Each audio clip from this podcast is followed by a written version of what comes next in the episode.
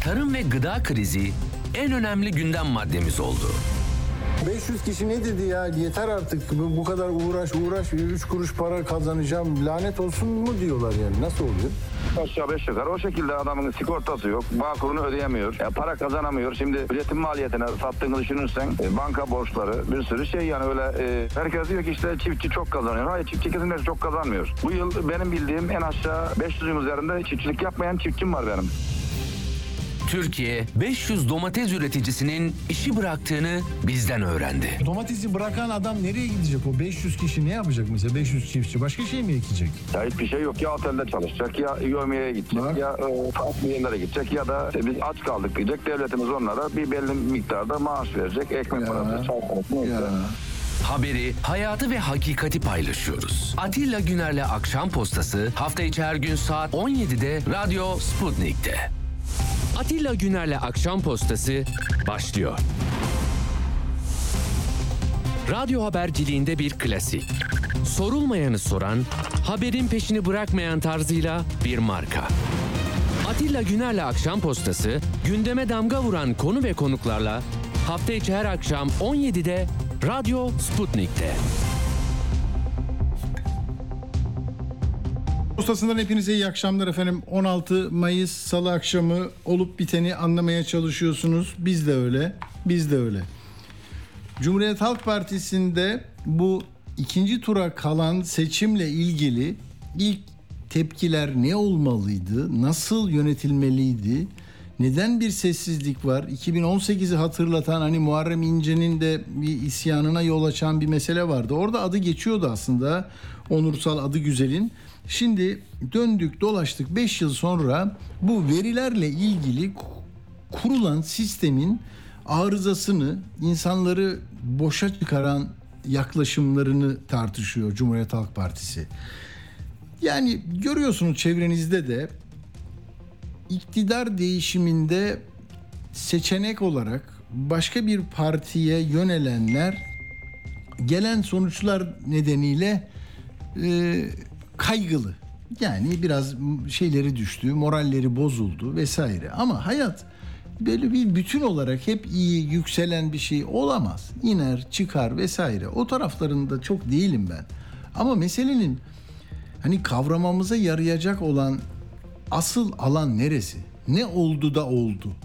Kim nasıl iş tuttu? Ne söyledi?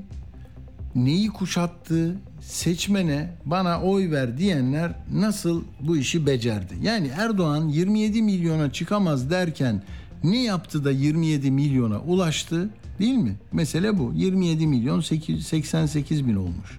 Kemal Bey de tarihinin e, en yüksek oyunu almış. E, 24 milyon 566 bin. Ama hani o gece yarısı şimdi 13. Cumhurbaşkanı olarak gelecek buraya kazandık öndeyiz dedikten sonra aynı İstanbul'da Binali Yıldırım'ın yaptığının benzerini yaparsan olmuyor.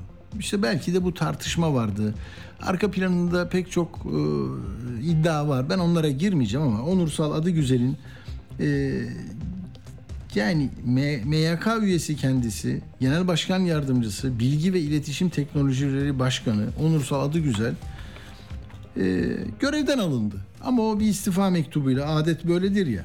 Ya şimdi saat ondan sonra gece yarısı o şeyde e, 14 Mayıs'ta bir kesintiler oldu, bir şey oldu. Ee, soruldu kendisine sistemlerimizi ayakta tutmayı başardık. Veri akışımız bir saniye dahi kesintiye uğramadı. Ama 192 bin sandıktan 110 bin sandığının sonucuna göre Kılıçdaroğlu'nu 4 puan önde göstermişti. O her nasıl kurulduysa sistem. Sonra telefonlara çıkmadı adı güzel vesaire. Neyse olur yanlış olur hata olur ama bu CHP'de görünür başka yerde görünmez. Yani adamın aforoz edilir metal yorgunu denilir. Böyle e, farklı farklı algılar üretilebilir. CHP'de daha çok böyle şey görürsünüz. Yani etli butlu önünüze çıkar sorunlar, anlaşmazlıklar, e, farklı anlayışa sahip olanların koalisyonu. Normal bir şey değil burada bir sorun yok. Ama şimdi mesela yerine gel- geldiğini mi söyleyeceğiz bunun? Şimdi altyazı geçiyor Tele1'de gördüm ben. Mehmet Ali Yüksel seçim çalışmalarından, e, siyasi işler ve seçim propagandasından sorumlu Genel Başkan Başdanışmanı atanmış Mehmet Ali Yüksel.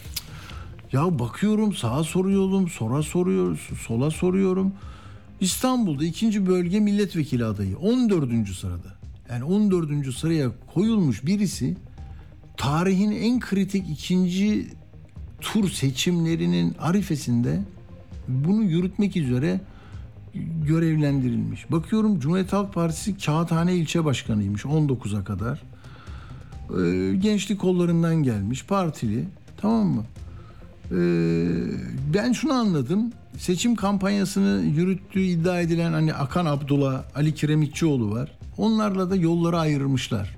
Yani bu bahar dediler, çiçek dediler, açılıyor dediler, geliyor. Böyle temiz bir dille pozitif bir kampanya yapıyorlardı bilmiyorum. Yani şöyle mi bu anlaşma? Sen beni seçtirecektin, seçtiremezsen gidiyor musun bilmiyorum. Ee, neyse sonuçta bu böyle mi emanet edilecek? Yani orada seçilecek bir yere koymadığınız bir isim Mehmet Ali Yüksel. Şimdi haksızlık da etmek istemiyorum. Branşı ne, nedir diye vallahi kaç kişiye sordum. Bana mesaj atabilirler. Ee, bu sizle konuştuğum sırada bilmiyorum. Ee, bir saniye. Belki birkaç arkadaşım atmıştır. Yani CHP'den yetkili etkili isimlere de sordum. Çok bilmiyorlar kim olduğunu. En son işte Twitter'ında mesela Mehmet Ali Yüksel şeyi e, Kemal Bey'in buradayız sonuna kadar mücadele e, videosunu paylaşmış. Ondan sonra Namık Tan'la bir araya gelmiş falan pek bir şey göremiyorum burada. Kemal Bey'in e, videolarını paylaşmış ama neyse yani bilmiyorum. CHP'de bu işler böyle oluyor. Şimdi bunu önemsiyoruz. Ama bir şey daha dediler. Çok insanı aradım. Engin Altay'la yakın çalışan bir isim dediler. Hani şu mu oluyor? Ee, Mesela A kişisinin önerisiyle yerini koruyan 2018 yaşandığı dönemde artık istenmeyen adam oluyor ve onun yerine e, daha güvendiğiniz birisinin önerdiği bir ismi alıyorsunuz. Ama bu da iyi bir şey değil. Ben mesela ya şimdi muhalefeti eleştirmek en kolay iş falan denir de meseleye şöyle bakmayı tercih ediyorum ben.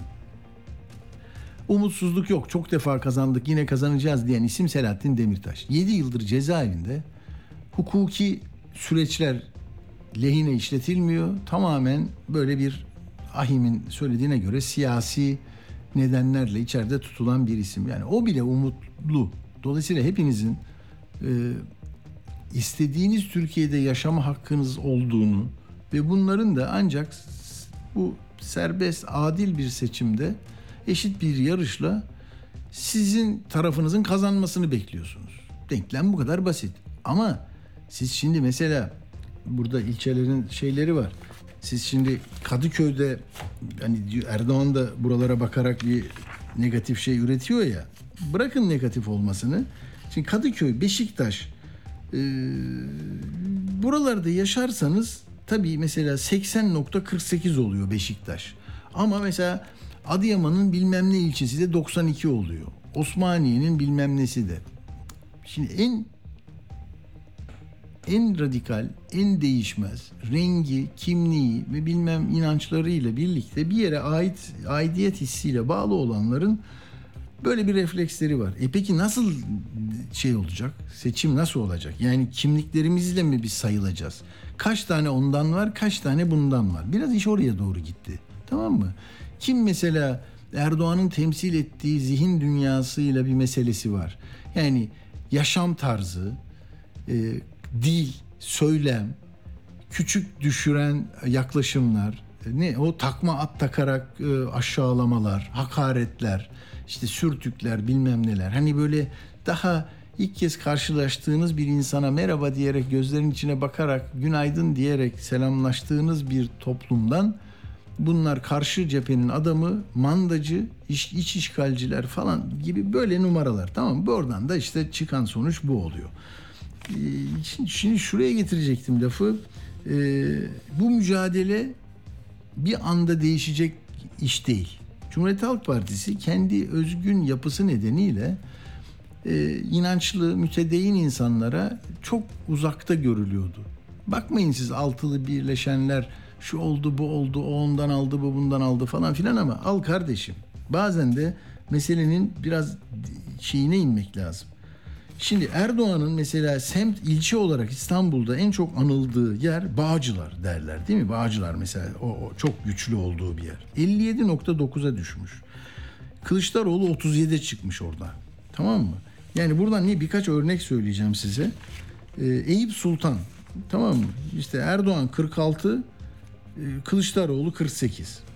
Başka şu şey vardı mesela e, yüksek olduğu Erdoğan'ın en yüksek olduğu yer. Yani makas kapanıyor demek istediğim şu. Sultanbeyli'de 65 Erdoğan 31 30.5 Kılıçdaroğlu. Şimdi neyle oldu bu? 5'ti, 3'tü, 2'ydi. E, şeyde de Diyarbakır'da başka yerde de böyleydi. Tamam mı? Ama artarak geliyor bir şey. Ha geç başlamış olabilir. Yani ancak anlamış olabilirler, tahlil etmişlerdir sosyologlar, bir verilere bakmışlardır. Nasıl bir toplum? Biz ne diyeceğiz? Erdoğan başka bir şeyi seçti. Milliyetçi ve e, Sünni Müslümanlığın e, esas alındığı iki şeyi katkı maddesini bir harç yaptı. Şey yaptı işte siyasi tahkimat yaptı. Burada burada duralım. Öbür taraf öcü. Öcü bak onlar hem iç düşman var hem dış düşman hem yani din yok, iman yok, bayrak yok, ezan yok. Yani buradan hayır gelmez dedi.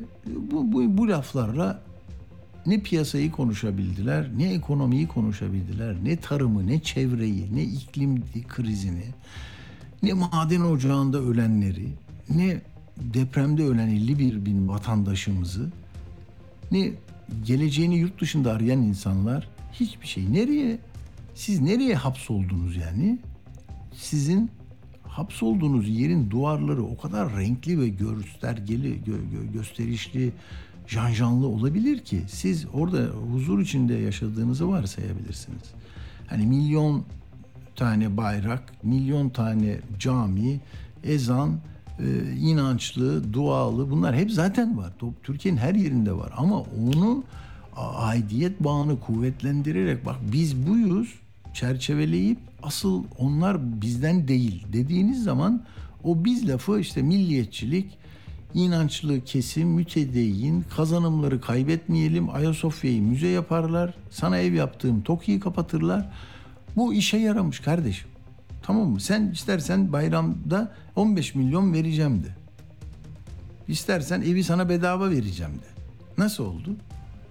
Böyle oldu işte. Çünkü başka sahiplerle geriden gelen bir mirasla oy veriyor.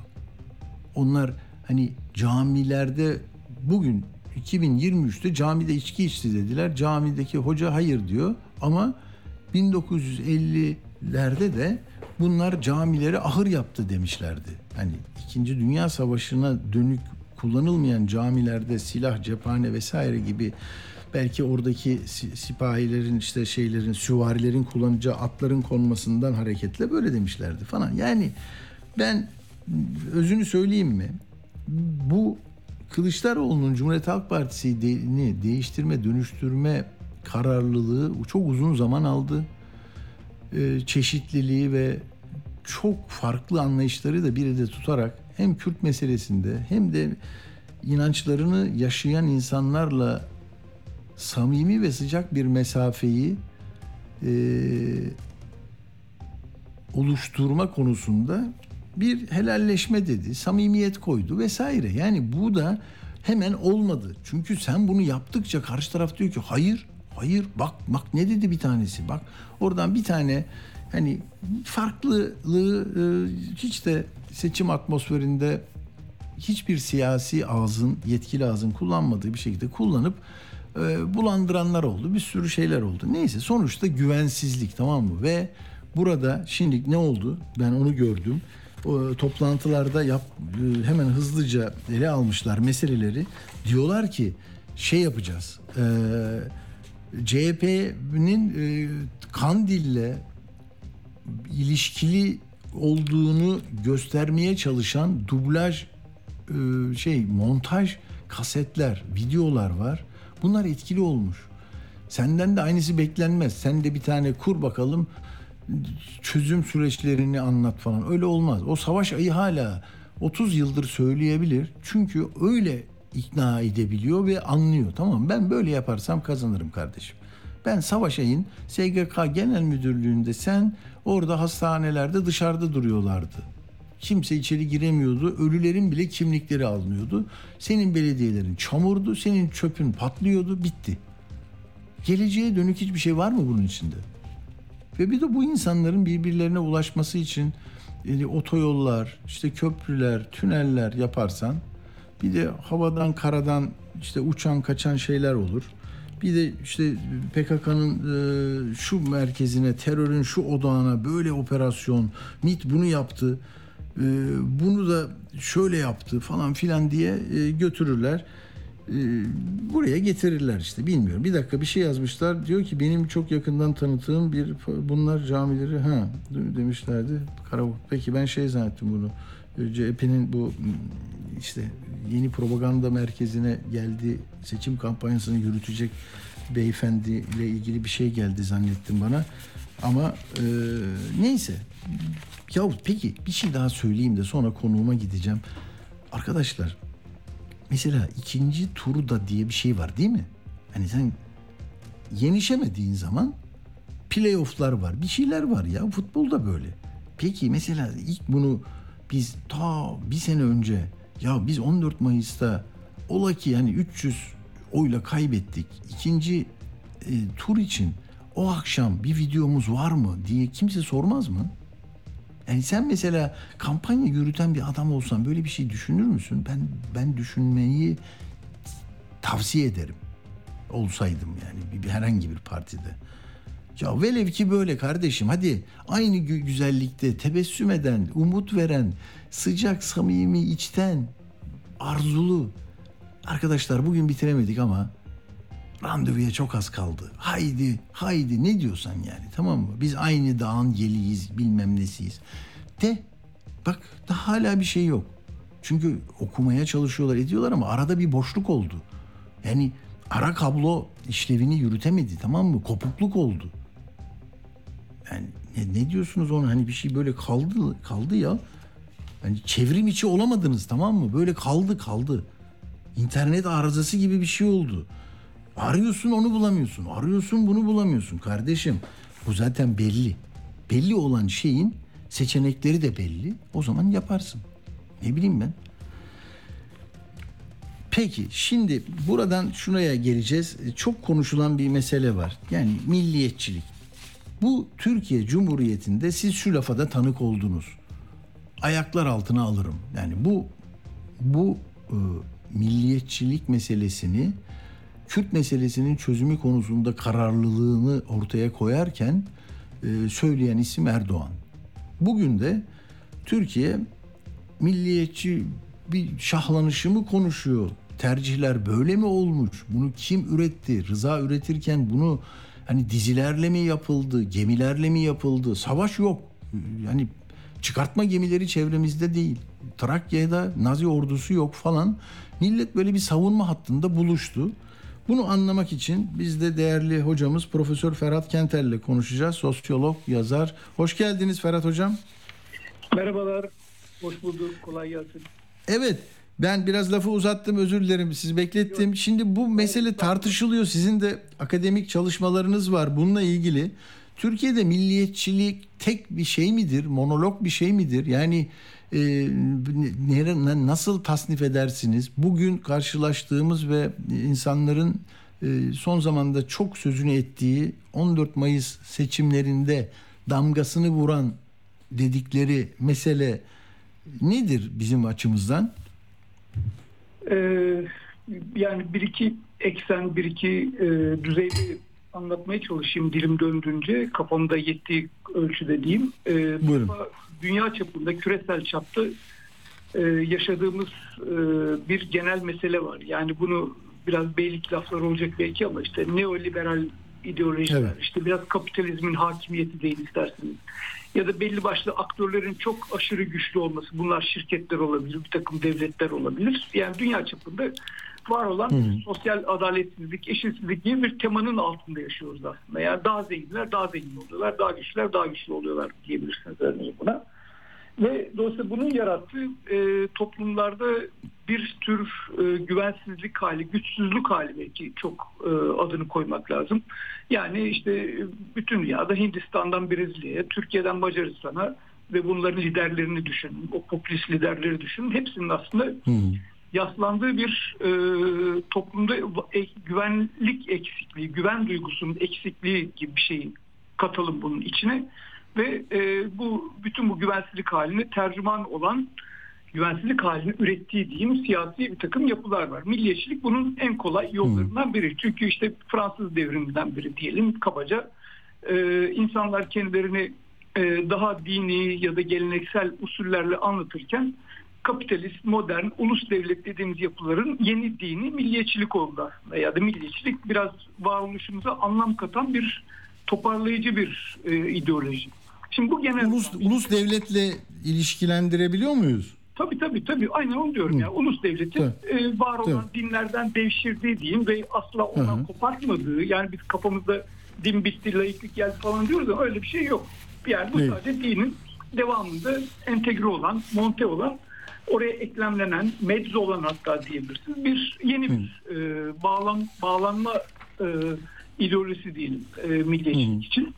Şimdi bu genel olan bir şey ve bugün dünyamızda işte bu e, güvensizlik halleri, güçsüzlük halleri insanların yeniden daha toparlayıcı böyle bir takım ideolojilerde buluşmasını beraberinde getiriyor işte. Çünkü mülteciler geliyor, e, işte fakirlik artıyor, işte eski klasik sosyal devletin kurumları zayıflıyor, sendikalarla kendinizi anlatamıyorsunuz gibi gibi bir takım meselelerle insanlar kendilerini güven verici bir takım ideolojilerin altına e, atıyorlar ve popülizm, işte aşırı sağ, milliyetçilik gibi çeşitli versiyonları olan ama en genelde cemaatçilik diyeyim, diyebileceğimiz bir takım yapıların içine e, giriyor insanlar. Ve Türkiye tabii bunun çok daha özel e, koşullarda yaşayan bir memleket. Çünkü biz e, hepimizin de çok iyi bildiği gibi işte Osmanlı'dan bu yana Türkiye Cumhuriyeti'nin kuruluşunda işte darbelerinde işte yani 27 Mayıs'tan 12 Eylül'de 15 Temmuz'dan bilmem neresine kadar işte e, doğudaki Güneydoğu'daki doğudaki Kürt meselesinin çözümünde kullanılan işte asayiş, güvenlik bilmem meselelerine kadar şiddetin, korunmacılığın, cemaatçiliğin, içe kapanmanın bol miktarda olduğu bir memleketteyiz. Neyse bu girişi çok uzattım ama şunu söylemek Yok yok yok çok çok faydalı oluyor hocam doğru. yani bunun işte e, içinde bulunduğumuz e, durumda da galiba e, genel olarak yani bir belki dünya zamanın ruhu tırnak içinde olarak nitelendirebileceğimiz bu güvensizlik hali Türkiye'de Türkiye'de yaşayan insanlar arasında çok daha zaten hep var olan bir şey belki. Türkiye toplumu cemaatçi bir toplum. Yani Türkiye'de çok partili siyasal hayata geçtiğimiz zaman bile biz siyasal partide işte e, bir tür demokrasiyi öğreniyoruz derken belki de siyasal partiler bizim yeni cemaatlerimizin yeni versiyonları oldu belki de. O yüzden biz işte Demokrat Parti, Cumhuriyet Halk Partisi, işte Adalet Partisi, bilmem Cumhuriyet Halk Partisi, solculuk, sağcılık, MHP, işte öbür tarafta devrimciler, ülkücüler gibi bütün bu yaşadığımız dönemde bitmeyen bir kutuplaşmalarımız var aslında bizim. Ve e, az önce sizin anlattığınız gibi işte savaş gemileri bilmem neler işte e, bir tür safları sıklaştıralım işte gibi bir takım şeyler tam da bu toplumun farklı e, korunma mekanizmaları e, veya işte e, söylemleri, retorikleri oluşturup onun içine biraz kendine atmaya çalışan insanların hali aslında. Biraz yani Peki, evet. Burada çok özel, çok özür, özür dilerim. Burada şöyle yani onları korumak, onların güvenliğini sağlamak böyle dış güçler de eskiden şimdi içeride. Yani bütün mesele düşman ve iktidarı alıp bizi darmadağın edecek olanlar işte Kılıçdaroğlu'nun şahsında şekillenen grup. Yani bu bu kadar yakın ve yakın bir tehditten söz ediliyor e, değil mi? Yani biraz da böyle. Bakın bunlar kimlerle işbirliğinde? Yani şu A ülkesi B ülkesinden çıktı iş. içimizdeki mandacılar bizim bu devirecek burayı alacaklar haline mi geldi yani halkın Yani- ifadesiyle? Bunlar çok kullanılan retorikler. Ya sorunuzun en başındaki bir şeyi unutmayalım. Yani milliyetçilik nasıl bir şey dediniz ya. Yani Evet, evet. milliyetçilik aslında bizim sadece bir tür e, nasıl diyeyim kılıfımız belki. Yani o bir ortada dolaşan boş bir söz belki. Yani onun içi nasıl doldurduğumuz çok daha önemli. Neyle dolduruyoruz onu? Tabii. adı milliyetçilik olmasaydı başka bir şey de olabilirdi. Bu hiç önemli Evet. değil yani ama milliyetçilik daha meşru. İşte bilmem en az bir yüzyıldır var olan bir şey. Onun içine girebilirsiniz ama onun için neyle doldurduğunuz çok önemli. Yani burada önemli olan milliyetçilik gibi daha bir ulus devlete falan büyük laflara gönderme yapan bir ideolojiden çok insanlar için bir tür yuva duygusunu aslında oluşturabilmek. Yani insanlar kendilerini onun içine atınca biz bizeyiz duygusu yaşayacaklar. Yani ne bileyim mesela örnek vereyim işte geçmişte yaşamış olduğunuz beyaz Türk, esmer Türk, işte la- layık Türk, işte dindar Türk falan gibi bütün o kafamızdaki işte yaşadığımız gündelik hayatlardaki ayrımlara falan bakın. Başörtüsüyle ilgili mesela olup bitenlere bakın. Ee, işte aradan bir zaman geçip bu aşağılanmışlık duygusuna kurtulacağınız bir enerji yarattığınız zaman, duygusal bir enerji yarattığınız zaman e tabii ki yeni rejime sonuna kadar sahip çıkıyorsunuz. Çünkü sizin o aşağılanmışlığınızı silecek, oradan sizin ruhunuzu, onurunuzu, şerefinizi, gururunuzu vesaire okşayacak yeni bir dil artık sizin her türlü başka derdiniz de görünmez kılabilir. İstediğiniz kadar ekonomik derdiniz olsun. Siz artık bu toplumu kendiniz kendinizi bu toplumun efendisi olarak hissedersiniz. Orada kültürel hegemonya da önemli değil mi? Mesela televizyondaki dizilerin hepsi birbiriyle yarışıyor. E, Dil böyle, resmi söylem böyle. Yani büyük medeniyetin temsilcisiyiz. Kesinlikle. E, bütün işte bize Gazze'de bize bakıyor, işte Üsküp'te bize bakıyor falan değil mi? Böyle bir e, retorik içinde öyle bir yere oturtuluyorsunuz ki artık millet e, gerçekten bu şeyi yırttı ve en büyük şey oldu. Ülkenin mutlu bir yurttaşı gibi oldu. Yani mes- evet aynen öyle. Yani mesela şey düşünün işte e, bu bugün ya bunlara belki biraz e, örnek vermek çok da çok bilimsel değil. Çünkü bunlar teknik bir şeyler olabilir ama bir şeyleri iyi yansıtıyor. Mesela geçenlerde bir video dolaşıyordu. İşte bir hanımefendi e, artık doktor bile dövebiliyoruz. E, Ya. gibi bir Evet. şey. O bir sene önce olmuştu hocam ama yine önemli. O, da- o zaman da önemliydi. Şimdi seçim zamanı bir daha geldi o. Evet. Tabii tabii yani o çok güzel bir örnek yani nasıl mesela bir insan doktor bile dövüyor olmaktan mutlu olur. E çünkü zaman o doktora çok fazla kim tutmuştu o kadın. Ya da başka bir örnek da işte bugün sokak röportajından birinde ben görmedim birisi anlattı. İşte e, bu işte CHP e, teröristlerle işbirliği yapıyor mu yapmıyor mu yapıyor diye işte bir tane vatandaş. E ama Hüdapar'da peki bu eski işte Hızbullahçılık ama o bizim teröristimiz diyor mesela yani konuşan kişi. Yani buna benzer dünya kadar örnek. Ya bizimki biraz Evet. futbol sahalarında görürüz ya bunu işte e, bizim Evet. futbolcu vursun kırsın kemik kırsın önemli değil yani. Hakem de bizim aleyhimize e, işte karar verirse biz ona küfrederiz onun cinsiyeti hakkında falan.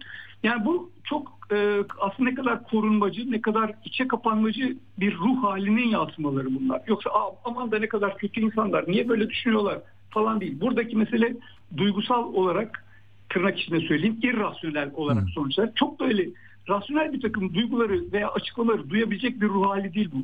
Gerçekten çok ciddi güvensizlik hali ve bunun yarattığı inanılmaz bir savunmacı bir enerji. O yüzden işte e, sonuna kadar Erdoğan, sonuna kadar AK Parti neyse işte dolayısıyla onun da savaş gemileri, işte dünyaya meydan okuyan bir lider e, gibi yedirmeyiz. İşte bütün o az önce saydığınız Gazze'de bizi dinliyor falan dedim ama küçücük küçücük e, insan olarak gündelik hayatınızdaki yaşadığınız muhafazakar korkuları aşabilecek muhteşem bir e, evrensel, küresel, kocaman bir büyük lafın aslında savunucusu haline gelebiliyorsunuz.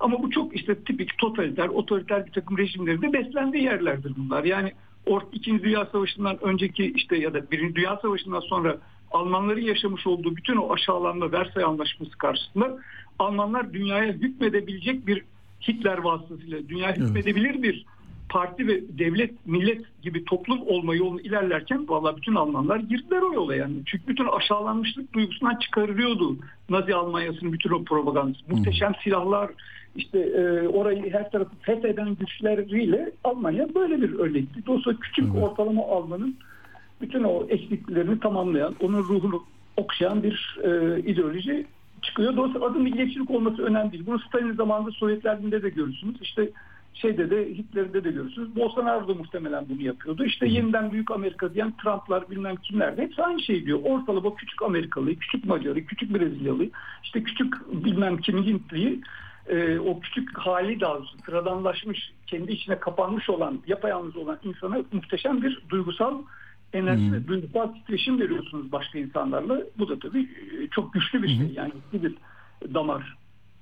Peki pazar günü e, radyolarını yeni açanlar için söylüyorum. Profesör Ferhat Kentel ile konuşuyoruz. Pazar günü daha il il bakma ve kesin sonuçlar üzerinden yorum yapmak için erken olabilir ama ilk bakışta hani bu sözünü e- ettikleri milliyetçilik meselesi Sinan Oğan almış işte İyi Parti MHP'den oraya gelmiş almış MHP beklentinin üstünde almış. Erdoğan e, yani yine tabii e, işte Hüdapar'ı da almış yanına. E, neyse yani burada milliyetçilik do- dokusu rengi çok yoğun deniyor ya. Buna katılıyor musunuz hocam siz? Nasıl bir gözleminiz var? Ee, yani bunu bunu da e, şöyle söyleyeyim size biz Bayatav olarak yani Bayatav Vakfı olarak daha doğrusu geçen sene yapmış olduğumuz bir arada yaşarız e, üzerine bir araştırmamız var. Biraz oradan düşüneyim. Biraz işte bu Ankara Tabii. Enstitüsü ile birlikte Ankara Araştırmaları Merkezi, Ankara Enstitüsü neyse bu işte Sabancı Vakfı ile falan işte beraber yap, Evet evet. e, İstanbul Politikalar merkeziyle değil mi? Evet. yaptığımız bir araştırma. İşte milliyetçilik üzerine bir araştırma yapmıştık. Yani en basit. Yani adına milliyetçilik denirken bile zaten insanlar aynı şeyi anlamıyorlar. Öyle bir şey anlatmıyorlar. Yani bir tanesi şu. Evet klasik anlamda defterdeki şeyde kitapta ders kitaplarında öğrendiğimiz gibi işte devletin retoriklerine geçtiği gibi işte milliyetçiyiz, üstünüz falan işte yani böyle bir takım hamasetin bol olduğu işte e, bir dil altında milliyetçilik tabii ki var böyle bir şey. Yani daha ırkçılığa kayma şeyi çok da hazırda duran kapının bir eşiğindesiniz aslında orada. Bir de başka bir şey daha var. Mesela bu da milliyetçilik olarak tanımlanabiliyor insanlar tarafından. Ya ben yaşadığım toprağı seviyorum. Yaşadığım insan işte şehrimdeki insanları seviyorum. İşte ben e, İzmirliyim ama e, Van'a gittiğim zaman da orada ben kendime dair benim gibi bir takım insanlar buluyorum. Onlarla bir takım değerleri paylaşıyorum. Daha toprağı sevmek, vatanı sevmek gibi adlandırabileceğiniz daha soft bir belki milliyetçilikten de bahsedebilirsiniz. Bu en temelde iki tane milliyetçiliğin belki işte e, haritalanması diyebilirsiniz. Ama onun haricinde ben esas ana şeyin onu da ta işte 2007'lerde falan TESEV için yaptığımız bir araştırmadan biraz derleyerek e, söyleyeyim. Adı ne olursa olsun insanların kendilerine içinde bulunduğumuz zaman da yuva aradıkları bir ideoloji aslında. Onu da şu örnekle çok anlaşılabilir olması açısından vereyim onun örneğini. İşte o zamanki araştırmada Çorum'da yaptığımız bir görüşmede bir, bir işte beyefendi bir gençten yani orta yaşlı bir arkadaş şey demişti. E, tabii ki ben Türk milliyetçisiyim yani ben benden e, işte cepheye koşmam istense işte vatanı korumak korumam istense tabii koşarım ama her şeyden önce ben Çorum milliyetçisiyim demişti bu arkadaş. Yani e, Türk milliyetçilik kavramı ya da bizim nereden öğrendik milliyetçiliği? İşte Türkiye, Türklük, Türk milleti gibi yani Osmanlı'dan çıkışta öğrendiğimiz bir şey bu. Ama biz bunu kendi hayatımızda bir yere transfer ediyoruz. Bir yerde kullanılabilir hale getiriyoruz. Orası da Çorum olabiliyor örneğin. Bu şehrimiz, kasabamız, bilmem bir sürü her şehirde buna benzer şeyler görürsünüz. Ya başka şehirlerden bile nefret edebilirsiniz aynı milliyetçiliğin altına. Dolayısıyla bu seçimlerde ortaya çıkmış olan milliyetçiliği e, bence daha çok içinde bulunduğumuz e, şartlar altında sanki bütün o e, tehlikeler, güvensizlik, geleceğe dair belir- belirsizlik, işte teröristler mi, Kürtler mi, işte Suriyeliler mi, işte Ruslar mı, Amerikalılar mı, Avrupa mı gibi yani benim gündelik hayatımdaki yaşamış olduğum güvensizliğe anlam verecek bir takım ötekileri bulduğum bir ideoloji aslında. Yani Sinan Oğan'ın e, yüzde beş gibi bir oy alıyor olması işte e, yani ya da işte ne bileyim MHP hiçbir şey anlatmayan MHP'nin yüzde on bir yüzde on e, gibi bir oy alıyor olması yani açıkçası bence çok e, sosyolojik olarak inanılmaz muhteşem şeyler. Tabii siyasi olarak çok e, hiç parlak değil tabii bunlar ama insanların e, herhangi bir şey anlatmasına, bir program sunmasına, bir işte ne bileyim açıklamalar yapmasına falan gerek yok. Yani mühim olan ben kendimi bu dil altında bir yerde anlatabiliyorum. E bu demek ki şu rakam bu seçimlerde ortaya çıkan çok genişlemiş bir milliyetçi cephe ya da milliyetçi dil bence sadece toplumun içinde yaşamış olduğu güvensizlik duygusunun ne kadar arttığına dair bence bir e, şekilde okumalı ve bu e, bu güvensizlik duygusunu okuyan ve kullanan, araçsallaştıran bir e, partiler ile, iktidar partileriyle onu anlayamayan belki muhalefet partileri arasındaki bir e, gerilim olduğunu düşünmek lazım. Yani muhalefet partileri siz çok güzel programlar yapabilirsiniz. İşte Deva Partisi o da hatırlamıyorum. Yani yüzlerce sayfalık dokümanları var Evet, mesela. evet. Ama kimse Deva Partisi'nin programı ne olduğunu bile bilmiyor. Neyse ama sonuç olarak o işte milliyetçi cephe ya da milliyetçi işte oylar falan dediğiniz insanların neden oy verdiğini gerçekten çok iyi anlaması lazım. Muhalefet partileri diyeceğim ama sadece muhalefet partileri meselesi değil. Bu bütün o iktidarın dışında kalan bugün işte ah ya- yana yakıla mahvolduk diyen e, insanların bence anlaması gerekiyor. Dolayısıyla mahvolmaya falan gerek yok. Sadece demek ki bir şeyler iyi okunamamış. Okumak için çaba harcamalıyız. diyen bir Burası çok önemli e, derler ya devlet büyükleri. Hakikaten şöyle hani e, tabii Sünni e, Müslümanlığın e, temsili e, çok vurgu yapılıyor ona. Bir dönem mezheplerle tartışıldı. E, şunu soracağım. Sinan Oğan için mesela seküler milliyetçi deniyor. İşte e, Mustafa Kemal vurgusu çok fazla deniyor. E, Bahçeli de zaman zaman bunu yapar. Ama e, Erdoğan da mesela sanki Türk İslam sentezi oluşturan bir birliktelik gibi hareket ediyorlar MHP ile birlikte. Orada soru şu. Yani dinle ilişkisi, inanç dünyasıyla ilişkisi, milliyetçiliği tarifte bize yeni yeni tabirler kullanmaya mı götürüyor? Böyle böyle biliyor muyuz yani?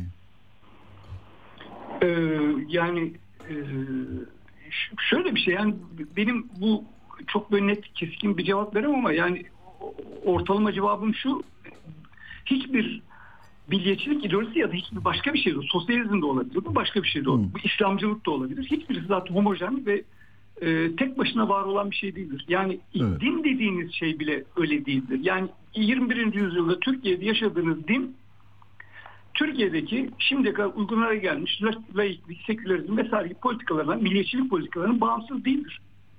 Yani 100 sene önceki İslamcıların demiş olduğunu birileri tekrar ediyor olabilir.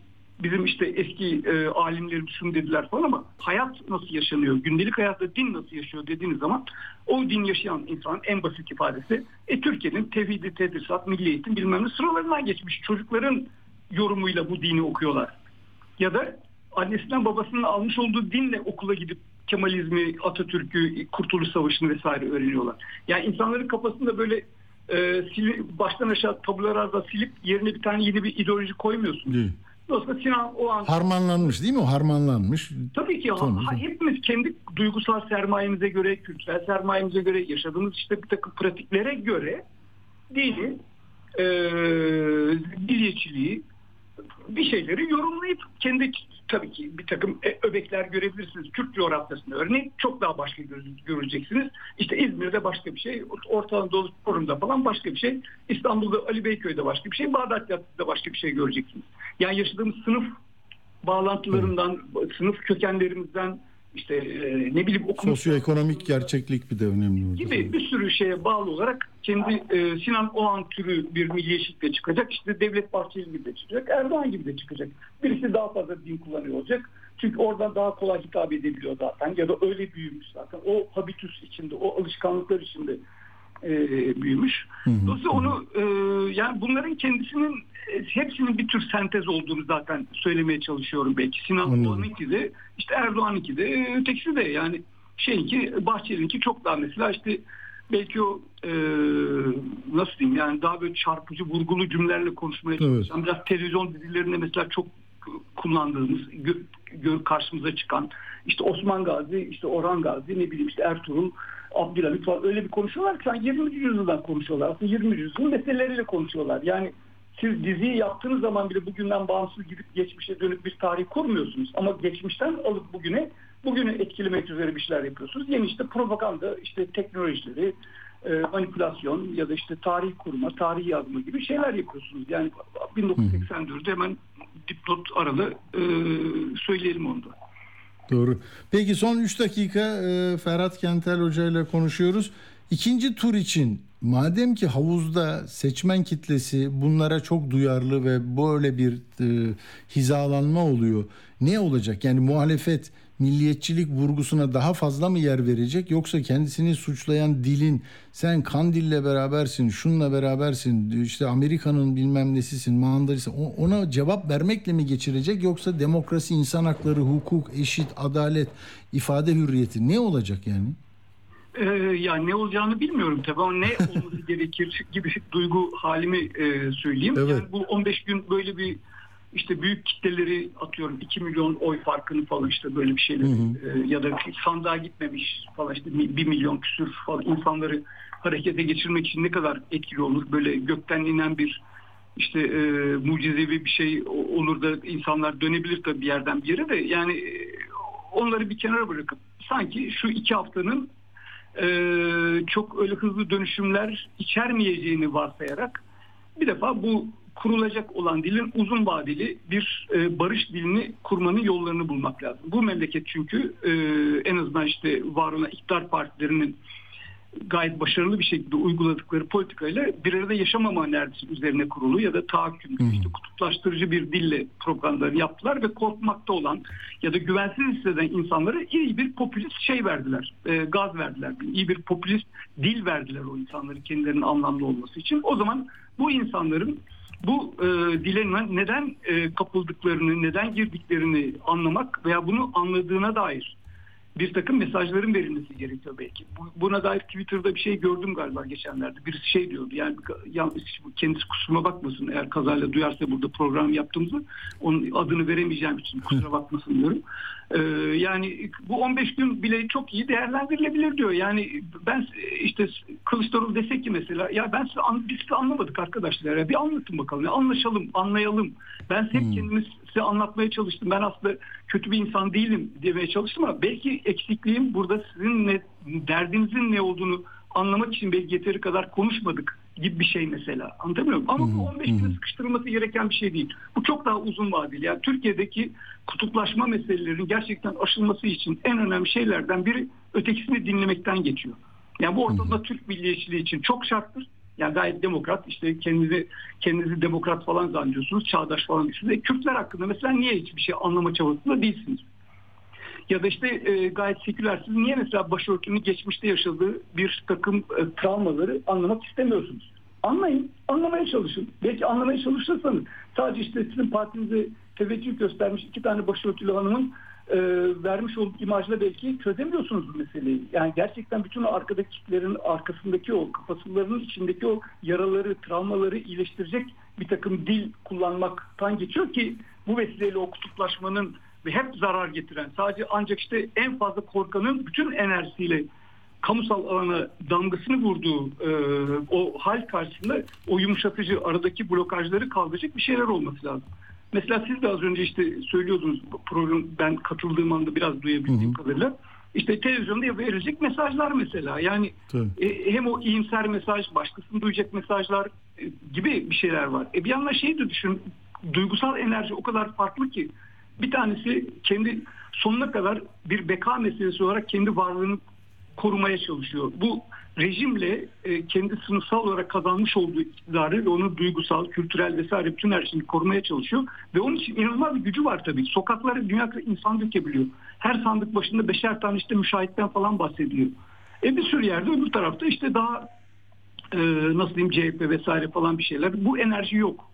E çünkü e, sadece kendi kendinizle kapalı konuşuyorsunuz. Başkalarını çok fazla yeteri kadar dinlemeye çalışmıyorsunuz o zaman. Gibi buradan işte bir sürü teknik meselelerde girilebilir diye düşünüyorum. Evet.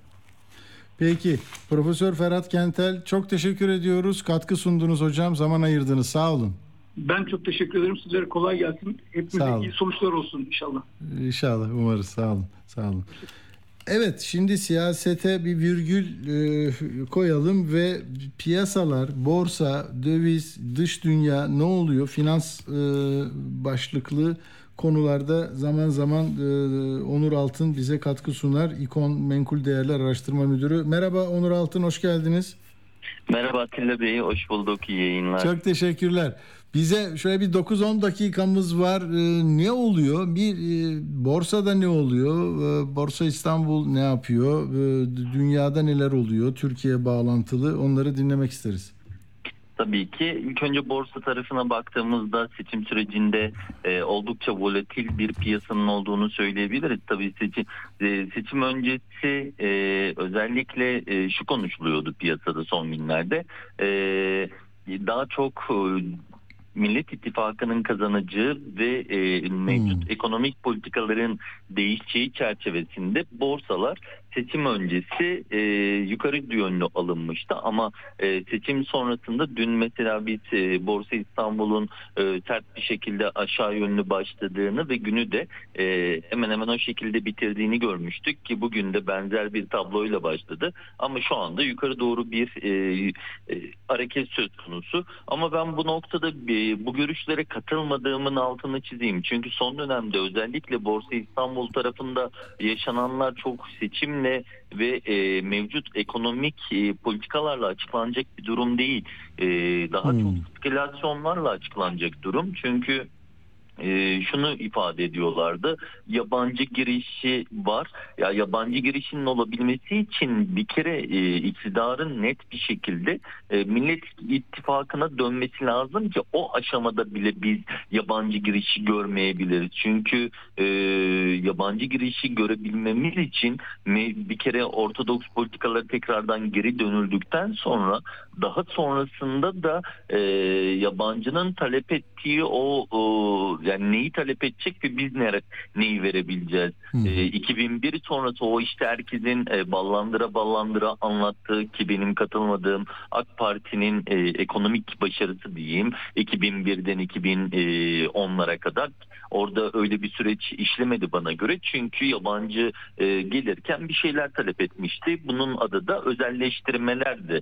Yani özelleştirme talep ettiği ölçüde gelmişti. Şimdi öyle bir mevcut e, durum da söz konusu yok. E, o yüzden şu andaki borsadaki ben hareketleri tamamen spekülatif hareket olarak e, görüyorum. Tabii ki e, son dönemlerde biliyorsunuz halka arzlar ön plandaydı. Buraya yönelik ciddi bir giriş e, vardı. E, birey özellikle e, yaşanan deprem hadisesinden sonra bireysel emeklilik sistemdeki fonların bir kısmını ve yine varlık fonundan e, yaklaşık 1 milyar dolarlık bir e, parayı e, Borsa İstanbul'a aktarılarak Borsa İstanbul'un 4500 civarında e, desteklenmesi sağlanmıştı. Bu şekilde borsa tutulmaya çalışılmıştı. Ama 4-5 aydır biz Borsa İstanbul'da e, 5500 ile 4500 seviyesi arasında bir fiyatlama görüyoruz ve şu anda da e, Borsa İstanbul 4500 civarında yani bu civarda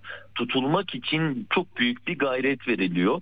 Ben başarılı olacaklarını düşünmüyorum. E, 4500'ler e, kırılması halinde 3000'lere doğru bir e, düşüş bekliyorum ki e, ikinci tur seçimlerinin bir kere nasıl sonuçlanacağı çok önemli. E, ama bunun haricinde e, bir de yeni hikaye yaratılmalı borsada. Yani e, işte şu anda herkes tarafından seçimler geçsin, borsa normale döner, girişler devam edilir deniyor ama hikayemiz bitti.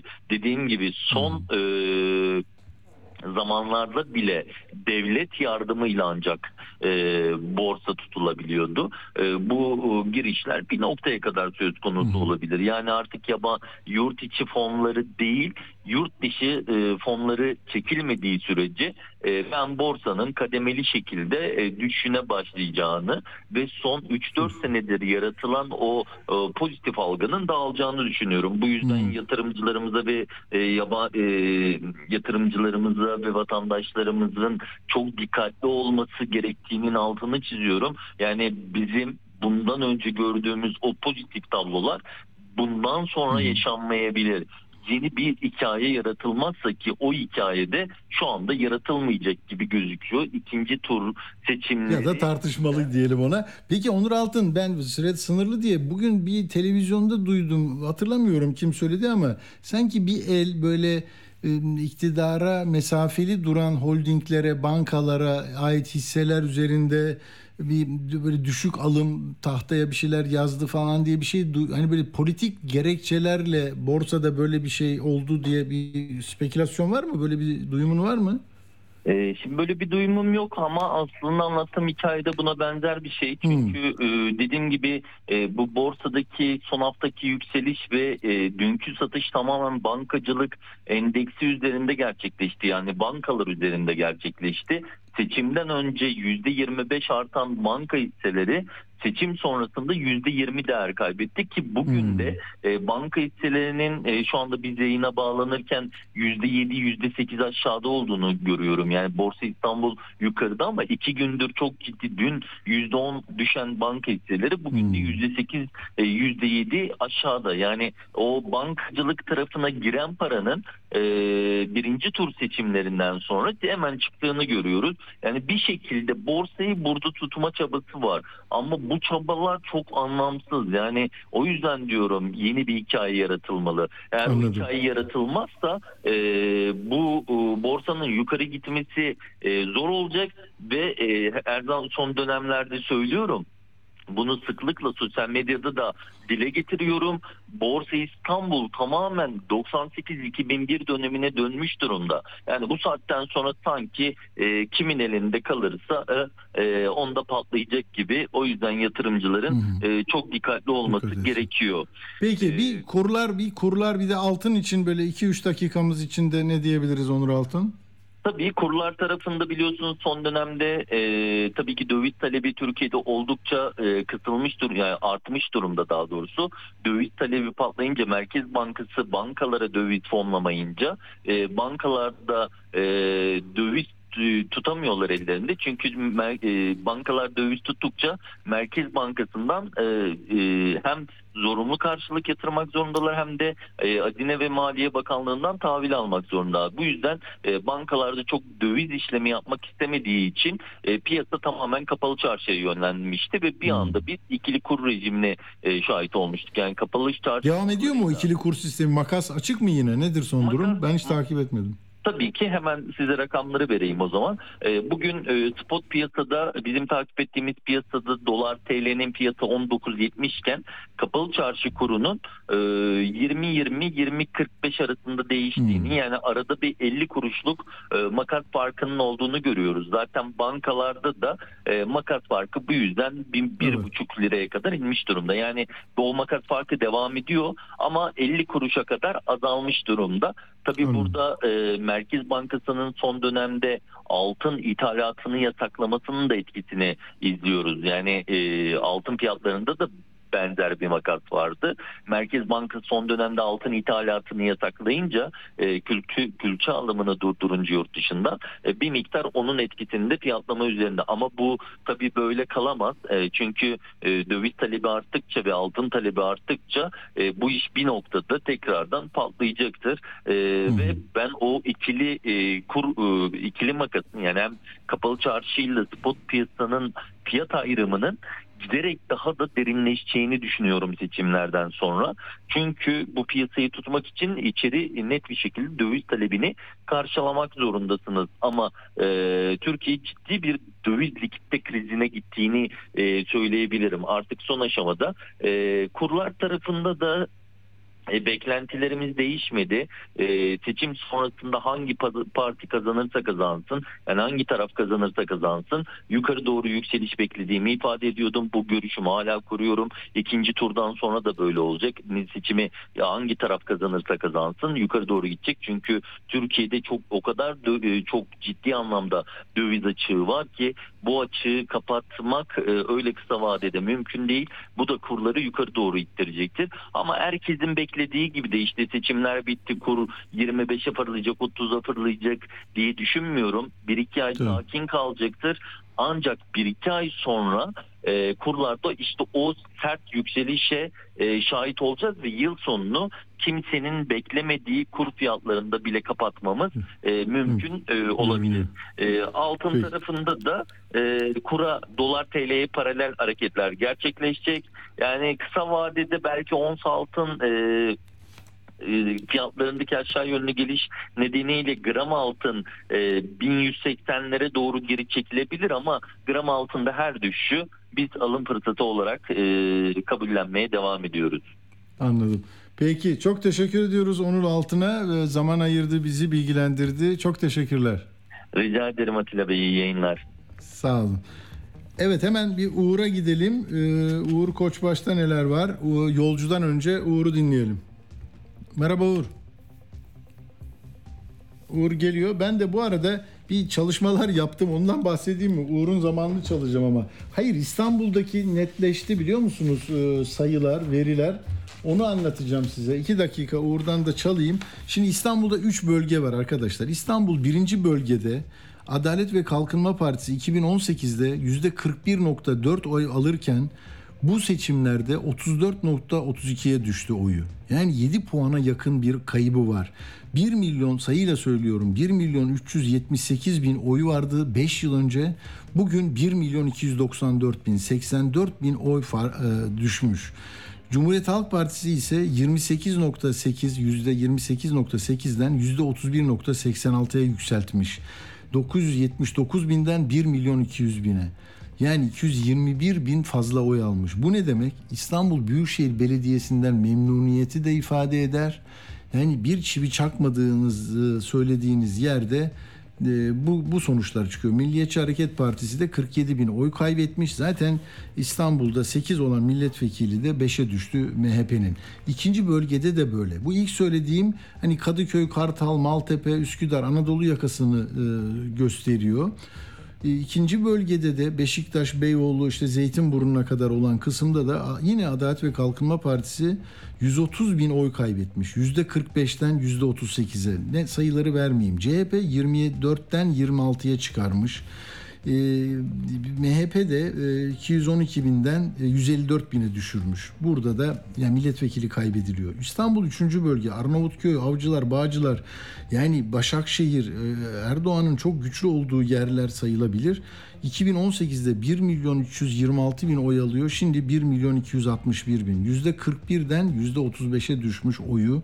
Dolayısıyla CHP'nin de burada 122 bin artmış oyu. 25'ten 26'ya çıkmış yüzde olarak söylüyorum. Ve bazı illerde de bunları çalıştık biz ama şunu söylemeye e, dönük bu, bu söylediklerim. Büyük kentler büyük kentler hizmet alıyor ya da beklentileri ve arzuları, tahayyülleri başka e, iktidar kanatlarına değil Cumhur İttifakı'nı düşürerek e, buraya çıkartıyorlar.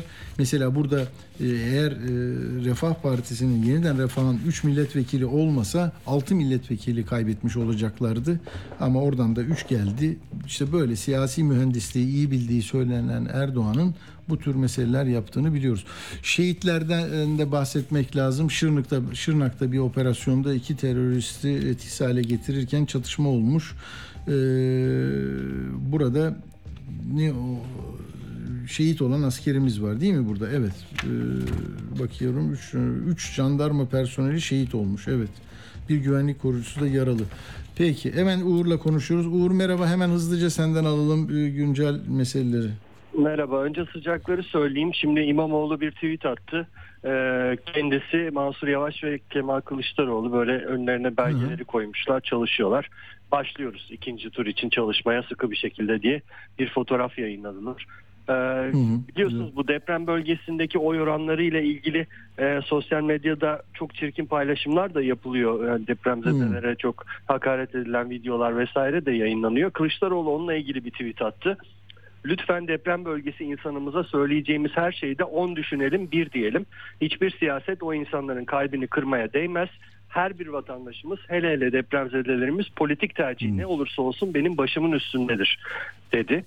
Bir de bugün tabii YSK e, sonuçlarına itiraz için 17'ye kadar e, süre vardı. En çok itirazı yapan e, Yeşil Sol Parti oldu. Çünkü bugün sosyal medyada da çok paylaşıldı. Bazı sandık tutanaklarında Yeşil Sol Parti'ye verilen oyların MHP'ye yazıldığına dair çok sayıda paylaşım yapıldı. YSP yani Yeşil Sol Parti binin üzerinde sandığa itiraz ettiklerini açıkladı. CHP de aynı şekilde birçok sandığa itiraz etmişler. Oradan çıkacak sonuçlar e, izlenecek tabii ki. Bu Twitter'ın e, seçimden hemen önce bazı dört hesaba e, yüzlerce tweet'e de erişim engeli getirdiğine dair mesele çok tartışılmıştı. Elon Musk da ona bir yanıt vermişti. Türk hükümeti bize bir uyarı gönderdi. Biz bunun üzerine yaptık. Hatta bir gazeteci e, siz nasıl yaparsınız böyle bir şey? Nasıl muhalifleri sen sansürlersiniz diye tepki gösterince Musk buna senin beynin yerinde mi Iglesias? Matthew Iglesias'tı gazetecinin adı. Twitter'ın tümüyle kapatılması ya da bazı tweetlere erişimin sınırlandırılması seçeneklerden hangisini istiyorsunuz? Türk hükümetinin bize gönderdiği talebi yayınlayabiliriz, yapacağız demişti. O talep yayınlandı gerçekten. Şöyle bir notla yayınlandı. Ee, bilgilendirme yapmak istiyoruz. Ee, bize Türk hükümetiyle e, geçen hafta boyunca müzakere halindeydik. Bize Twitter'ın mevcut mahkeme kararlarının tamamına uymayan tek sosyal medya kuruluşu olduğunu söylediler diyor. Birkaç uyarı yaptılar diyor bant daralması konusunda son bir tehdit e, uyarısı aldık. Bunun üzerine e, 4 hesabı ve 409 tweet'e erişim engelleme işlemini uyguladık diyor. Bu çok bilinen e, hesaplar bu 4 hesap. Şimdi söylemeye burada gerek yok. E, ama ifade özgürlüğüyle ilgili endişelerimizi de doğrudan yetkililere ilettik diyor. O şeyi de e, o 409 e, tweet'i ve 4 hesabın listesini de paylaştılar. E, bunlarla bitireyim bugünlük. Peki. Peki Uğur'cum teşekkür ederiz. Sağ olasın. Ben teşekkür ederim. Görüşmek üzere. Ben İstanbul genelinden bir bir rakam vereceğim, bir oran vereceğim. Bu da önemli. Hani çok tartışılıyor. İşçi Partisi, Türkiye İşçi Partisi, işte HDP'nin e, listelerini e, Yeşil Sol Gelecek e, Partisi'nde e, değerlendirdi ya adaylarını. Şimdi bakın 2010 tartışılıyor. Geldin niye burada seçime ayrı girdin? Listeyi yapsak daha çoktu vesaire. Sonuçta öyle çıktı. Bakın HDP 2018'de İstanbul genelinde 1 milyon 146 bin oy almış 12.6 oy oranı 12 milletvekili çıkarmış. Şimdi ne oldu biliyor musunuz İstanbul'da? Yeşil Sol 818.577 yani 1 milyon 150 binden 818 bine düştü. Oy oranı 8 8.18 milletvekili de 8'e düştü. Peki İşçi Partisi ne almış oldu? 410.797 oy aldı. 3 milletvekili de o çıkardı. Yani 11 oldu. Bir milletvekili de kaybettiler. Ee, yeniden Refah'ta 335 bin lirayla, 3 bin lirayla ne ya? Ee, oyla 3 milletvekili çıkardı. Diğer illeri de ben çıkardım. Vakti gelince sizlerle e, onları paylaşacağım. Yani Ankara'da da İzmir'de de e, benzer sonuçlar var, e, düşüşler var. Yani iktidarın e, asıl e, oyları e, topladığı havuz daha e, Türkiye'nin deniz kenarları değil o kırmızı haritalar öyle ama Ankara'da bu kez hayır dedi. Yani Gökçek'ten sonra Mansur Yavaş diyenler burada yanılmadık biz biz yine sizleyiz diyorlar. Ankara'da çok hızlı söyleyeceğim oy kaybı AK Parti'nin 145 bin daha azalıyor ki bakın 507 bin seçmen fazlası var. 8 puan kaybetmiş. CHP 4,5 puan arttırmış. E, MHP'de de e, 3 puanlık bir kayıp var. 2 milletvekili kaybetti. İzmir'de 317 bin fazla seçmen geldi ve 2018'e göre e, Adalet ve Kalkınma Partisi 2,5 puan kaybetti. CHP aynı kaldı. Yani binde 4 de düşmüş gibi görünüyor. İyi, İyi Parti'de 0.6 puan artmış. MHP'de de yine benzer bir düşüş var yaklaşık 1 puana doğru. Kocaeli bizim seçim bölge, frekansımızın olduğu bir bölge. Orada da Adalet ve Kalkınma Partisi 8.5 yüzde 8.5 puan kaybediyor. Bir vekil kaybediyor. CHP 3.8 arttırıyor. Bir vekil alıyor. İyi, İyi Parti'nin de bir puan düşmüş. MHP'de 3 puan düşmüş. Yani böyle. Ama genele baktığınızda işte iki seçimde ilk turda kazanan partinin lideri kazanamıyor. İki buçuk milyon fark var ama parlamentoda çoğunluk orada. Bakalım siz buradan ne sonuç çıkarırsanız seçim 28 Mayıs'ta da o tecelli edecek. Sevgili yolcu merhaba hoş geldin. Atilla merhaba hoş bulduk. Hoş geldin. Tam 20 dakikanın var yolcu. Sen nasıl istersen kullan zamanını. Tamamdır. Şimdi e, yavaş yavaş bir takım veriler ortaya çıktığı için daha analitik bir gözle bakma imkanı doğuyor. Evet. E, yani şunu söyleyebiliriz. Aşağı yukarı Türkiye'deki seçim e, bölgelerinde şimdiye kadarki seçmen davranışına baktığımız zaman Atilla bizde 1961 ile 1999 arası ortalama %79.8 katılmış insanlar seçime. 2002 2023 son seçim dahil 83.8 olmuş. Son seçimde 90'ları aşar diye bir beklenti vardı. 90'ları aşmamış. 85.6'da kalmış. Dolayısıyla daha düşük bir katılım var. Daha düşük katılım şöyle bir şey söylüyor. Demek ki muhaliflerin e, bir bölümü seçime gitmemişler. Çünkü ağırlıklı olarak e, iktidar yanlısı olan kişiler iktidarın örgütlü yapısı nedeniyle çok daha aktif biçimde seçime katılıyorlar. E, bu bunu iki türlü yorumlayabiliriz. Bir grubun ya kardeşim ben bu seçime katılacağım da ne olacak diyen gruptan bahsediyorum. Yani hasta olan, başka yerde olan, seyahatte, işte görevde olanı kenarda tutuyorum ama e, rakam az bir rakam değil. Onunla ilgili analiz yaptığımda şunu söyleyebilirim. Eğer e, şu anda muhalefette bulunan taraf eğer güçlü şekilde yeni bir kampanyayla buradayız kazanmaya ramak kaldı gibi bir mesajı böyle bir politik mesajı güçlü şekilde verebilirse insanları tekrar motive edebilir. İnsanlar e, 50 puana ne kadar kaldığının aslında sahip oldukları gücünde ne kadar büyük olduklarını görecekler. Yani biz 50 puan almamız gerekmiyor. 50 artı 1 de almamız gerekiyor. Gerekmiyor. Biz çok daha az bir puan işte 4'tür 5'tir bunu alacağız dedirtebilirsen eğer e, seçmene seçmenin zihninde benim alacağım topu topu 5 puan daha fazla dersen sonucu değiştirebiliyorsun. Bir takım veriler üzerinden çalışıyorum. 2023'te kullanılan e, oylar içerisinde toplamda e, Cumhurbaşkanlığı seçiminde Kılıçdaroğlu 24 milyon 568 bin 196 oy almış. Bu en son e, KERT'te de Yüksek Seçim Kurulu bunu 3-5 değiştirirse biz de bakarız. Fakat bunun analizini yaptığım zaman Atilla e, muhalefet 28 şehirde önde.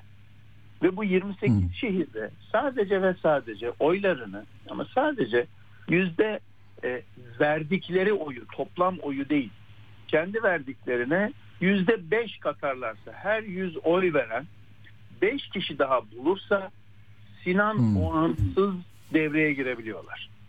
Yani her yüz tane oy veren ya bir üst komşuya çıkıp da ya siz vermediniz oy veya veya işte başka bir yere vermiştiniz. Efendim işte konuştu, sohbet etti, ikna etti. Akrabasıydı, arkadaşıydı, iş arkadaşıydı. Çünkü örgütlenmek böyle bir şey. Normalde nasıl bir parti teşkilatındaki insanlar kapı kapı dolaşıp hiç tanımadıklarına bunu yapıyorlarsa e, burada böyle bir görev düşüyor. Eğer gerçekten bir şeyi kazanmak isteyen bir motivasyon varsa. E, muhalefet ilk gün itibariyle e, ne yalan söyleyeyim baştan beri benim politik duruşum da belli. Daha muhalif tarafta durduğum için ancak ben iktidara kim gelirse gelsin muhalif olduğum için fark etmiyor. Ee, bir miktar hayal kırıklığı, bir miktar umutsuzluk hissettiler. Çok doğaldır. Çünkü beklenti çok büyük tutulmuştu ve bazı soru işaretleri hala cevaplanamadı. Yani koskoca Cumhurbaşkanı Erdoğan Ankara'ya gitti, geri geldi, tekrar geri gitti. Atilla bu yani hmm. yaklaşık 70 yaşında e, zaman zaman Allah uzun ömür versin ayrı konu. Zaman zaman hmm. sağlık sıkıntıları yaşayan birinin 4-5 saat içerisinde İstanbul'a gelip tekrar Ankara'ya gidip tekrar İstanbul'a gelip bir daha Ankara'ya gitmesinin arkasında bir şey olması lazım diye bir merak yaratıyor insanların. Bilemiyoruz. Hmm. Ama e, görünen o ki veriler bu verilere ulaşma frekansında normal bir e, sırayla elbette sandık sayısı arttıkça bir miktar yavaşlayacaktır ama dakikalar boyunca hiçbir şeyin değişmemesi hali daha önceki deneyim nedeniyle insanların kafasını çok ciddi şekilde karıştırıyor. Burada bir sürü spekülasyon doğdu yine. Artı biraz önce senin söylediğin e, daha çok Güneydoğu illerinde bin sandıkta itiraz. Eğer bin sandığın bininde de bizim hepimizin şaşırdığı ya Türkiye bu kadar mı milliyetçi bir kayma yaşadı? Yani MHP'nin çıkışına baktığın zaman çok ciddi bir kayma bu.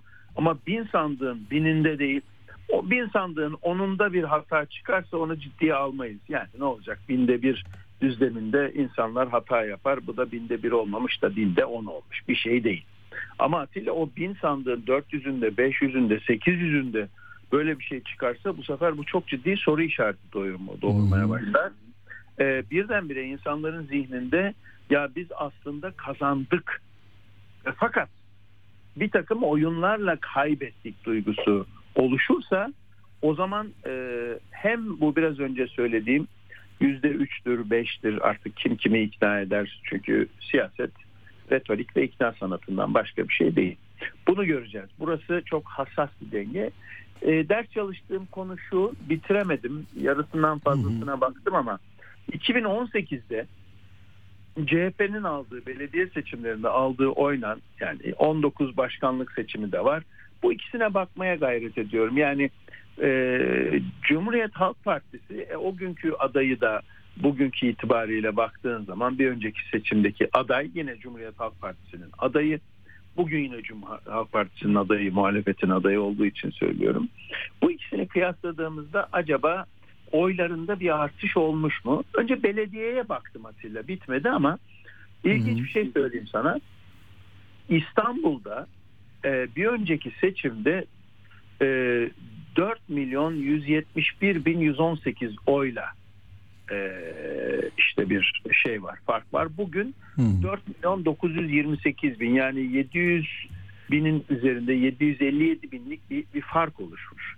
Yani ciddi şekilde aslında rakamlara baktığım zaman yüzde 15'ler, 20'ler, 25'ler Muğla'da oy farkı yüzde 106.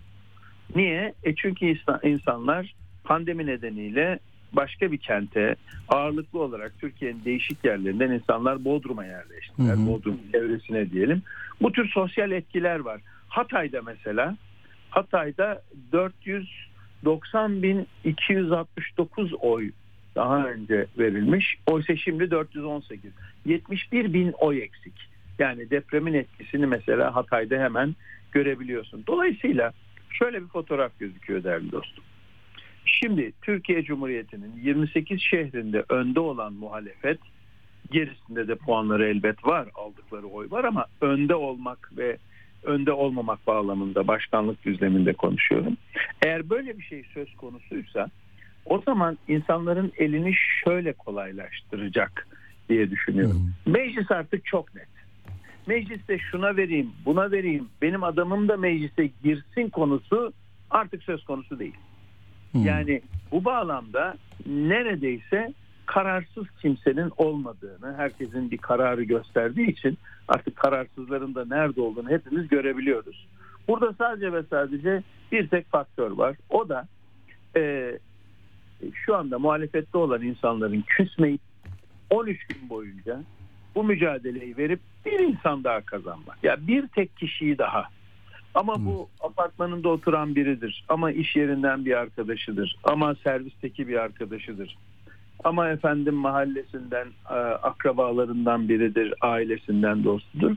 Bu mücadeleyi verirse aslında aradaki fark kapanmayacak büyüklükte bir fark değil. Artı bir de seçime gitmemiş grup var. Yani bugün Türkiye'de %85,6 idi. Bu 85-90'a çıktığında bile ciddi bir oydan bahsetmek mümkün. Burada tabii e, e, belirleyici faktör insanların oyundan düşme potansiyelinin yüksek olduğu yer eğer Sinan Oğan'la çok hızlı bir e, politik duruş konusunda mutabakat sağlanır da Sinan Oğan'ın oyları bizim tarafta mesajını hangi taraf verebilirse o taraf çok ciddi şekilde bir avantaja sahip olur. Bunu da erkenden vermesi lazım. Son gün verilen şeklinde olmaz. Çünkü son güne kadar bekledin bekledin en son gün ne oldu da şimdi söylüyorsun duygusu yaratır. E, o bağlamda Sinan Oğan e, anahtar bir e, yapıya sahip cümlelerini açıklayıncaya kadar. Ben hı hı. Atilla Güner'i destekliyorum diyeceği ana kadar Türkiye'deki en kilit Türk tarihinin bu seçimindeki en kilit oyuncusu kendisi. Ancak tabii öyle söylediği için bütün onlar bir, bir, bir tek bir gövde gibi gidip verecek değiller o adrese ama bu önemli bir şey değil mi? E, adres, adrestir hmm. sonuçta. Birileri hmm. diyecek ki yok kardeşim ben sana hmm. o verdiğin adrese gitmek için destek vermiyorum. Ben bu adrese evet. gideceğim veya veya ya ben de seni aslında oraya da elim gitmiyor ama ben seni daha başka türlü beklerdim söylemini. Hmm. Sandığa gitmeyeceğim diye. Onu bilemiyoruz. Ama tabii, ne kadar da olsa orada bir çoğunluğu 65-70 oranındaki bir çoğunluğu etkileyeceği aşikar. Çünkü neden? Siyaseten devam edeceği için. Siyaseten ben Atilla Güner'e oy verdiğimde Atilla Güner'in devam ettiğini ve devlet kademesinde bir rolde devam ettiğini göreceğim için bu e, çok önemli bir e, e, verdiğim oyun hemen siyasete dahil olmasını göreceğim için büyük avantaj. Ne demek? Çok özür dilerim. Orada Okan Müderrisoğlu yolcu yazmış ki bugün diyor ki onun vereceği karar Türk siyasetinin geleceğinde bir faktör mü, aktör mü olacağına karar verecek. Bir kelime oyunu yapmış da hani e, herhalde iktidara yakın bir duruş sergilerse de onun için daha hayırlı olacak anlamını çözebiliriz. Yani e, Okan Müderrisoğlu'nun yorumları ne kadar nitelikli, ne kadar değer taşıyor onu bilmem. Onu okuyanlar değerlendirir. Şu içeriden bir yaklaşım diye düşün- düşünüyorum da o yüzden. o, yani o bu zamana kadarki duruşu nedeniyle rasyonel Hı hı. aklın temsilcisi olmadığı aşikar ama sonuçta bir siyasi var. Hürmet etmek lazım. Şimdi buradaki temel mesele şu Atilla. Ee, bir şeyin ucunu kaçırmamak lazım. Nedir o? Birinci tur bitti. Artık ah vah öyle oldu uzun kısa yeşile gerek yok. Burada belli bir oy kazanılmış. Kazanılan oy da ikinci turda kazanmak için aslında büyük oranda bir imkan veriyor. İnsanların ya bu kadar zamandır mücadele ediyorduk. Bu kadar zamandır bir beklentiye girdik. Tamam bu ilk gün için, ilk 24 saat için hayal kırıklığı olabilir. İlk 48 saat olabilir ama silkinip de ya arkadaş ben ne istiyordum 48 saat önce? Neyin hayalini kuruyordum? Bu kurduğum hayalde değişen nedir şu anda? Ben bunu başarabilecek yakınlıkta mıyım? Bir de gerçekçi olmak lazım. Yani eğer aradaki par- fark Muharrem İnce'nin olduğu 30 işte 30'a karşılık 50'lik 40'lık bir puan olsa iki tur olduğunu varsayalım. Diyelim ki işte Erdoğan 49, Muharrem İnce 30. E Şimdi buradaki bu 20 puanı almak o kadar kolay değil 15 gün için. Evet. Yine mümkün ama kolay değil. Fakat şu anda çok e, odaklı bir 15 gün.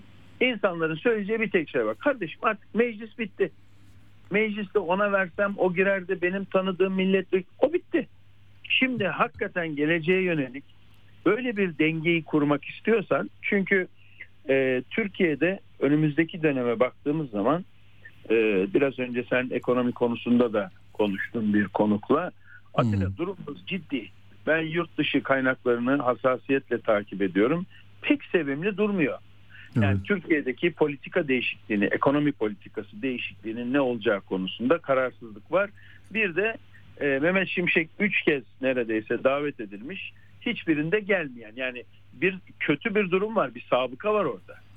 Hı. Dünyanın saygı duyduğu bir öyle ya da böyle iyidir kötüdür tartışabilirsin ama daha bilinen, daha iktisatta muhatap alınabilecek iktidarın e, oyuncularından bir tanesini e, nasıl gönderildiğini hatırlayalım.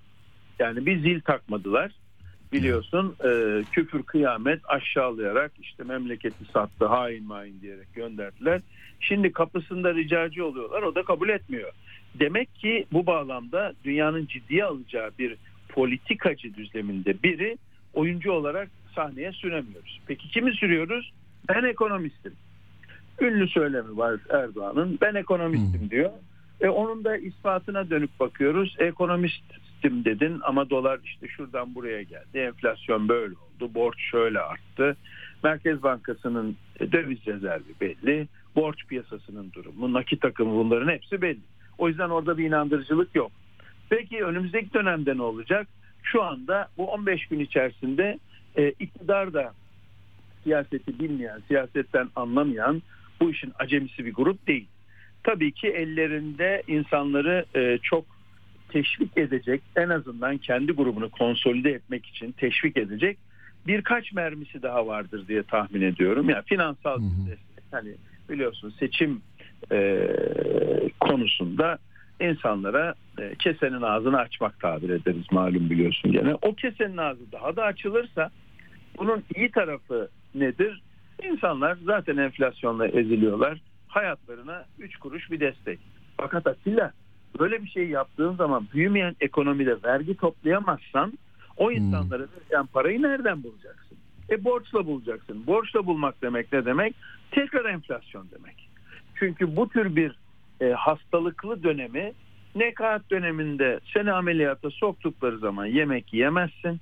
Acıdan kıvranırsın, koşamazsın, hayatın zevkini alamazsın. Ekonomiler de böyledir.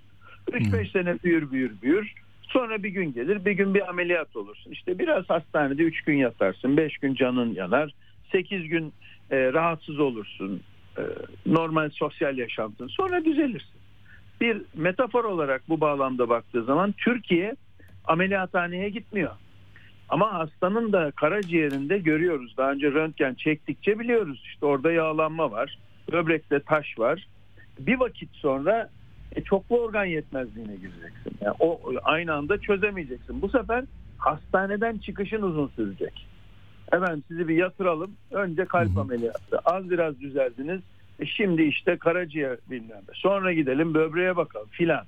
E bu da bu kadar dinamik dünyada ister istemez rekabette geri kalmana yol açacak. O yüzden şunun şurasındaki 15 gün boyunca yapılacak şey aslında bir gerçek kelimenin tam anlamıyla bir demokrasi mücadelesidir. Vay be onu da yanlış yaptılar, bunu da yanlış yaptılar, çıkıp da konuşamadılar. Ya bunu artık konuşmanın bir gereği yok. Hı hı.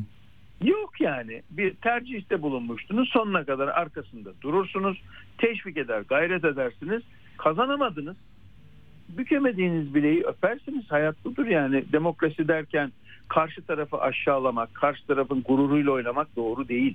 Ben mesela son e, bir aydır iki aydır o kadar iktidar yanlısı trollerin kullandığı sosyal medyada müthiş bir aşağılama hakaret güç gösterme seçimde çok öndeyiz işte 10 puan fark atacağız bastısı vardı. E, muhalefettekiler de benzer bir takım şeyleri söylüyorlardı. Bence puan ne olursa olsun karşı tarafın en azılı trolü bile olsa o oyuna o tuzağa gelmemek lazım. Çünkü burada yeşertilecek tek şey umut. Umut olacak ki gelecekte insanlar mutlu olabilsinler ve uzun dönem boyunca şunu yaşayabilsinler. Evet ya bunun için deli gibi mücadele ettim ya. 13 gün yemedim, içmedim. Bir kişiyi ikna ettim. 13 gün. İşte öbürü gitti. Ben de iki kişiyi ikna ettim. Ben de beş kişiyi ikna ettim. Yemedim, içmedim. Durmadım. Öyle habire tweetlere bakayım. Tweetlerdeki kavgaları seyredeyim. Umutsuz durayım. Ya bu CHP'den bir şey olmaz. Bunlar da adam mı diline e, kapılmak yerine arkadaş sonunda insan vicdanı sorar seçimde oy vermek dışında ne yaptın ki? Öyle ya da böyle bir mücadele ise bu. Sonuna kadar yaparsın. Kazanmak için demokratik kurallar çerçevesinde ne gerekirse yaparsın. Mücadele edersin. Risk alırsın. Sonunda ya zaferi göğüslersin. Zaferi göğüsleyemiyorsan o zaman oturur şapkanı önüne alır dersin ki ya bir dakika. Biz neyi atlıyoruz?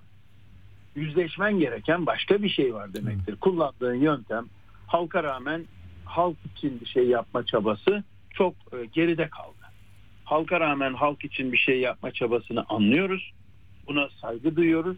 Fakat insanları ikna etmeden bu olsa olsa eziyet ederler. O yüzden şu andan itibaren benim önerim e, istisnasız herkes için, hepimiz için geçerli. Madem ki bir duruşunuz var, bu duruşu teoride tek başınıza sadece sandıkta değil, her bir insanla, her bir yakın tanıdığınızla, her bir farklı görüşteki insanla ille de e, iktidar olmayabilir. Başka türlü görüş. Seçime gitmeyelim diyene borç alırsınız. Vardır ya Atilla. Bana bir evet. borç ver ya. Bir 10 lira borç ver. Haftaya vereceğim. Bir başka zaman için bana bir borç ver. Bana bir kredi ver. Ya benim bir inancım var. Cemil Meriç'in sözüyle kapatalım. Atilla ikna edilmişlerle yola çıkılmaz, inanmışlarla yola çıkılır. İnanıyorsan diğer insanları önce ikna edersin, sonra inandırırsın. O zaman bunun sonucu herkes için farklı olabilir. Çok doğru. Çok teşekkür ediyoruz yolcu. Harikasın. Sağ olasın. Çok teşekkürler. Evet, böylece bitiriyoruz. Belki bu yayın içinde söylediğim bir meseledeki ayrıntıya dikkat çekmek lazım. Mehmet Ali Yüksel hani bu atama yapıldı dendi yok şeyin kampanyanın başına geldi vesaire değil. Diyor ki seçim kampanyasını yürütmekle görevlendirildiğim şeklindeki haberler yer alıyor. Böyle bir görevlendirme söz konusu değildir. görevim parti hiyerarşisi içinde bir nefer olarak çalışmaktır diyor. Yani hop ben işin başına geldim falan Kağıthane ilçesinden 14. sıradan nasıl geldim nasıl ettim bilmiyorum. Ee, yani onu düzeltti. Bir de Tuncay Üskan'la ilgili de görüyorum böyle değişik hesaplarda isimsiz insanlar o da gitsin, o da gidiyor, geldi gidiyor vesaire bir şeyler yapıyorlar. Bir rüzgarlar. Hani CHP böyle biraz yalpalarsa, bir sorun yaşarsa üstüne üstüne böyle o gitsin, bu kalsın diye şeyler olur zaman zaman. Bakalım bunu da atlatacağız. Ee, yani Mithat Sancar'ın bu seçim sonuçlarından sonra yaptığı bir açıklama var. Onu hiç veremiyorum dedim ama izlersiniz.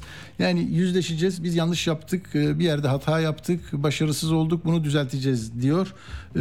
Dolayısıyla burada noktalayayım ben. Yarın yine başka konularla karşınızda olacağız. Hoşçakalın. Atilla Güner'le Akşam Postası sona erdi.